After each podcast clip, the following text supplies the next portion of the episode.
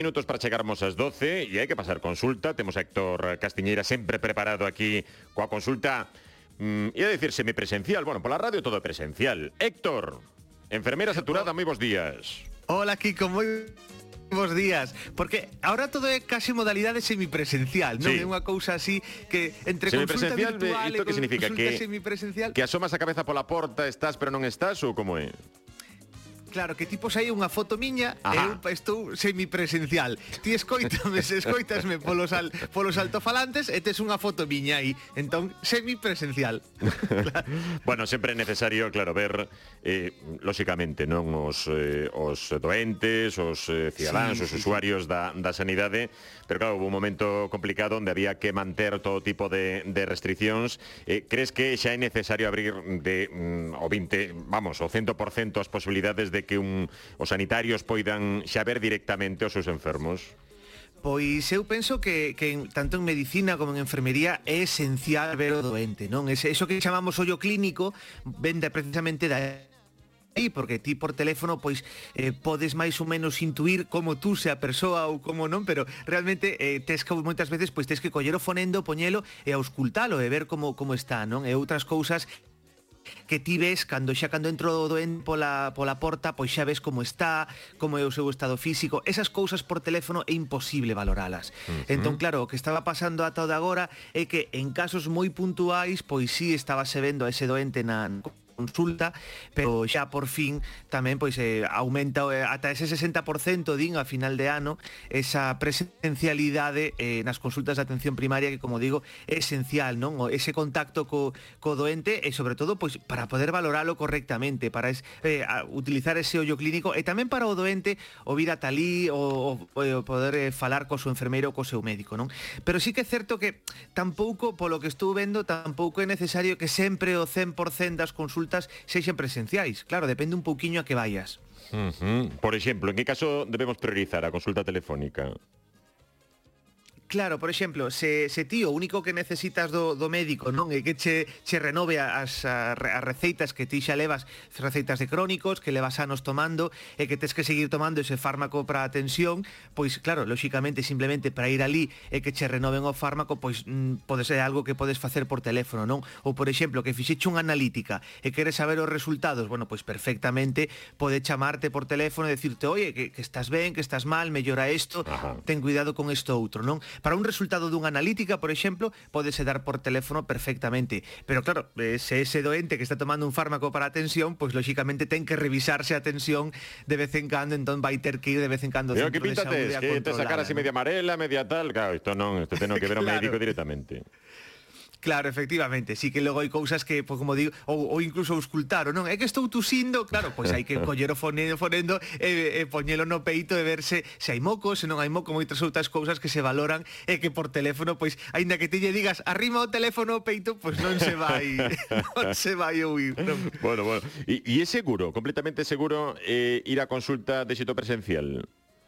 Pois agora, ademais, coas cifras de vacinación que temos en, en Galicia, que, que son de verdade para felicitar a todos os galegos e a todo o sistema de saúde que, que fixo posible esta cifra de vacinación, a verdade é que sí, que temos eh, en, en Galicia xa estamos nese 81% de, de, doce, de, da pauta completa de, de vacinación, 81%, entón realmente con estas cifras de vacinación, eh, co esforzo que se fixo para tratar de, de adecuar os centros de saúde a esta nova realidade xa sei que en moitos centros de saúde pois leva, son centros que levan moitos anos abertos, que é difícil eh, moitas veces pois ventilalos adecuadamente, pero fíxose todo posible dentro do centro para que o centro fose o máis seguro posible, así que eh, sen quedarse ali moitas veces porque quedase a xente falando cun veciño, con outro, ali na, na sala de espera, eh, así que eso vamos ter que evitalo, eso non o podemos facer, podemos falar, pero fora na rúa, nun espacio ben ventilado e a distancia, e non quedarse ali a xente para falar uns con outros, non? É simplemente ir,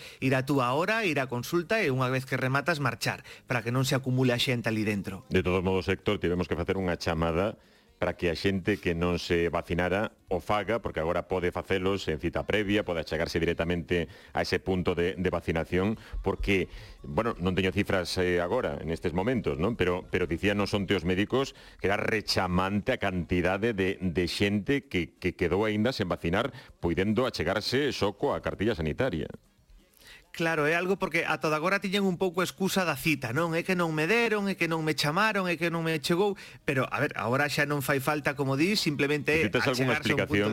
ti estás no eh, pois... na sanidade pública madrileña, pero bueno, eh, polo que ves, polo que escoitas, hai algunha explicación e que temos moitos negacionistas ou é preguiza?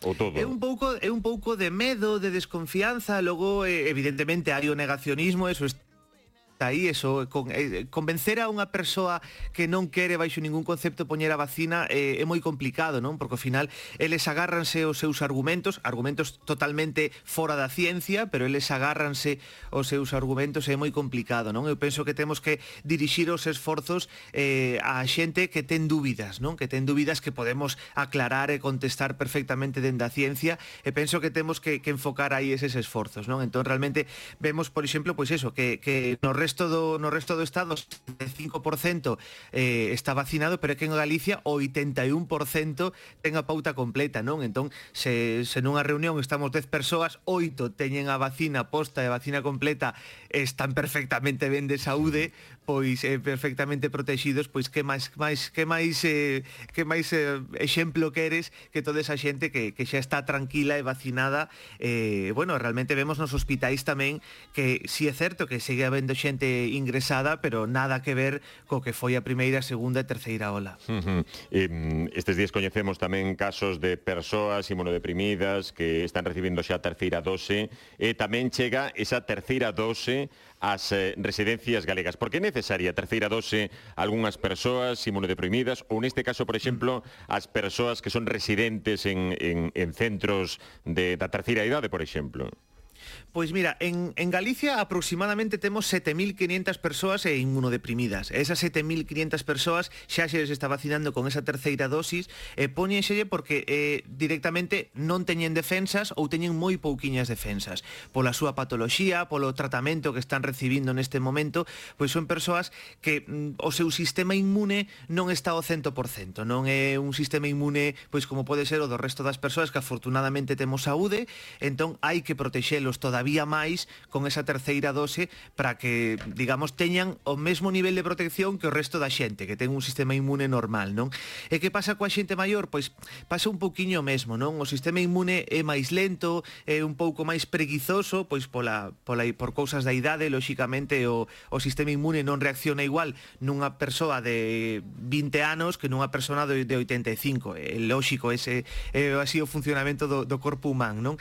E lóxicamente por eso eh, recomendas esa terceira dose a esos 22.000 maiores que temos en, en residencias. E por que en concreto os de residencias e non os que están na casa? Bueno, pois porque lóxicamente teñen moito máis risco, eh, están nun, nun ambiente pois de convivencia, están moitos maiores no mesmo centro convivindo, e lo, con que o colla un, pois lóxicamente moito máis fácil que o collan o resto, non? Sin embargo, as, os, aos maiores que temos na casa é moito máis complicado que, que os orixine un brota así deste tipo. E agora que que, que se acada o 81% dos eh, vacinados en Galicia, 75% en toda España. Eh, eh, objetivo a cada o 100%, eh, xa podemos mm, pensar en que, en que a maior parte da poboación está vacinada e, polo tanto, o grupo está ben protegido. Estamos xa no principio do fin da pandemia?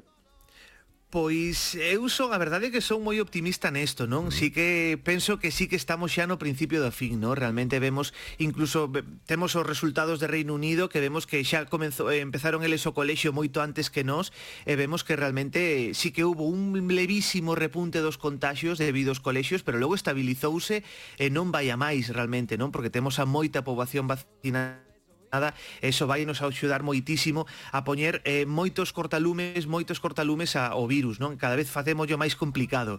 Entón, en Galicia realmente neste momento chegar ao 100% é imposible. É imposible, pero é imposible por, por un tema de, de que os menores de 12 anos non teñen vacina para eles. Aínda non temos unha vacina que lle podamos poñer aos menores de 12 anos. Entón, o máximo que poderíamos acadar hoxe en Galicia é o 91% da poboación. Entón, sí que temos traballo todavía por diante, ese 10 que todavía podemos pasar do 81 ao 91%, eh, e quedaríamos aí, non? Se conseguimos convencer a toda esa xente que ten dúbidas, que aínda non sabe que facer, se representan ese 10% que o gallá, pois como decimos, eh, collan a súa tarxeta sanitaria e vayan canto antes a un punto de vacinación a protexerse a eles e a todo o resto da, da comunidade. Total, que, mm, que se nos portamos ben, igual atatemos un semi San Froilán, que non haberá casetas como como hai uns anos, pero pero bueno, xa podemos meterlle máis o dente. Pois o gallá, o gallá, porque a verdade é que levamos tamén, bueno, como, como todas as festas de Galicia, pois levamos ao San Froilán aí sen celebrarse tempo e os claro. de Lugo pois xa temos ganas de, de ir comer o polvo e de, de ir ás festas e el, logo des, despois de comer o polvo ir a Noria a mover un pouquiño o polvo. Exactamente, subilo, baixalo. Eso mismo. Oi, poñemos un pouco de, de música para despedir. Veña, pois vamos con este tema de Jarabe de Palo misteriosamente hoy eh, para animar un pouquiño o, o xoves que xa casi casi está rematando a semana. Que ben. Un bico moi grande, moita forza, compañeiro. Un aperta, un bico, adeus. Ya no me pesa increíblemente hoy La vida vale la pena